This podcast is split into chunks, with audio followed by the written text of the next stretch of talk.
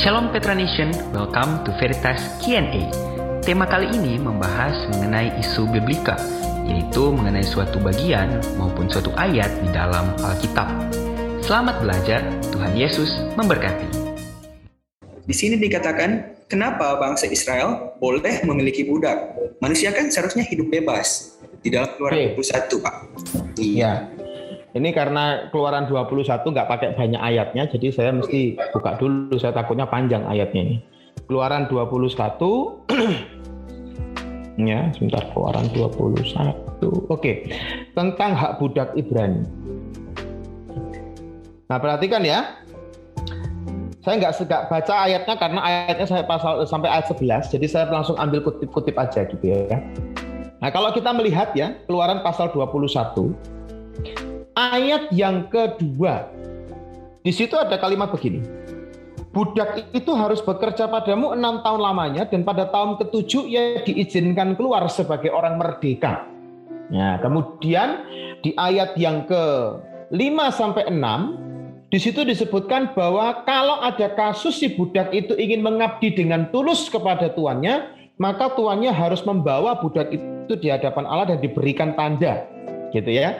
Kemudian ada lagi di ayat yang ke-7 sampai 8 ada budak perempuan. Nah, bagaimana e, cara memperlakukan budak perempuan? Budak perempuan itu harus ada tebusan dan seterusnya sampai seterusnya. Jadi ada pembebasan tanpa syarat bagi budak itu dan kalau budak itu dinikahkan maka budak perempuan itu harus dianggap seperti seorang anaknya sendiri. Nah, jadi dari aturan mengenai hak budak ini sepertinya memang Tuhan itu tidak pernah melarang adanya perbudakan. Tetapi yang menjadi problem adalah perbudakan yang bengis yang dibenci oleh Allah. Kata kuncinya di situ.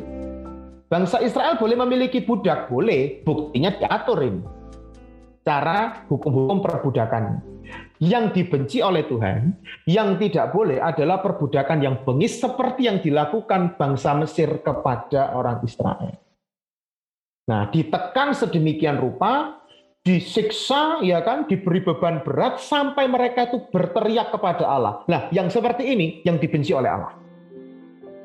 Nah, jadi Allah mengatur perbudakan bagi bangsa Israel dengan jaminan-jaminan yang menguntungkan pihak budak. Nah itu nggak masalah. Bahkan konsep budak pun itu nggak hanya ada di PL, di PB pun juga ada. 1 Timotius 6 misalkan, coba ya kita lihat 1 Timotius pasal yang ke-6. 1 Timotius pasal yang ke-6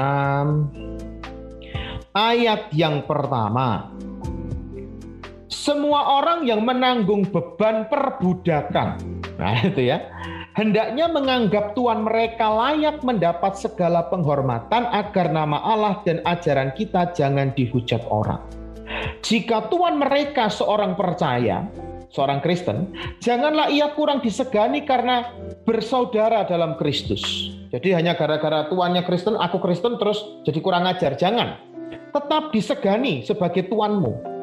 Melainkan hendaklah ia dilayani mereka dengan lebih baik lagi karena Tuhan yang menerima berkat pelayanan mereka ialah saudara yang percaya dan yang kekasih. Berarti masih ada? Masih ada. Bahkan dalam 1 Korintus 7, Paulus menggunakan kata apa? Adakah engkau dipanggil Allah dalam keadaan kamu hamba? Hamba itu dulos, yang juga terjemahnya adalah budak. Kalau iya, ya tetaplah di dalam statusmu itu. Tetapi dengan cara-cara yang berbeda. Cara-cara di dalam Kristus. Ya, itu jadi perbudakan itu ada bahkan istilah atau konsep budak itu juga dipakai untuk urusan rohani dulu kita hamba dosa yaitu bahasa Yunaninya dulos budak dosa sekarang kita hamba Allah ya berarti kita dulosnya Allah budaknya Allah nah tetapi sebagai budaknya Allah kita diberikan keselamatan diberikan jaminan yang menguntungkan kita pada keselamatan nah jadi persoalannya budak ada tidak masalah tetapi dia harus diberikan hak-haknya, diberikan jaminan-jaminannya. Itu. Baik, terima kasih Pak. Iya, jadi memang guys, um, di dalam konteks ini ya berarti justru dari yang saya tangkap gitu ya tadi, malahan di dalam perjanjian lama itu um, bisa dikatakan bahwa perbudakan yang di dalam Israel itu yang diinginkan oleh Tuhan malahan justru yang uh, menyenangkan budak gitu ya, justru yang menjamin budaknya malahan. Di dalam ayat yang tadi kan sempat dibicarakan juga bahwa bisa mendapat kebebasan di dalam tahun yang keberapa gitu guys. Jadi memang uh, mungkin pada zaman itu ada beberapa bangsa yang mungkin melakukan perbudakan dengan cara yang tidak baik gitu ya dan yang mungkin yang kita kenal dengan sekarang perbudakan seperti itu kali ya yang mungkin uh, ada pada zaman itu ya pada zaman Israel justru berbeda bahwa budak itu malahan dijamin gitu ya hak-hak hidupnya Terima kasih telah mendengarkan Veritas Q&A Biblical Edition. Semoga Petra Nation bisa terberkati lewat pembahasan yang tadi. Sampai jumpa di Veritas Q&A selanjutnya yang tentunya dengan tema-tema yang tak kalah menarik juga loh.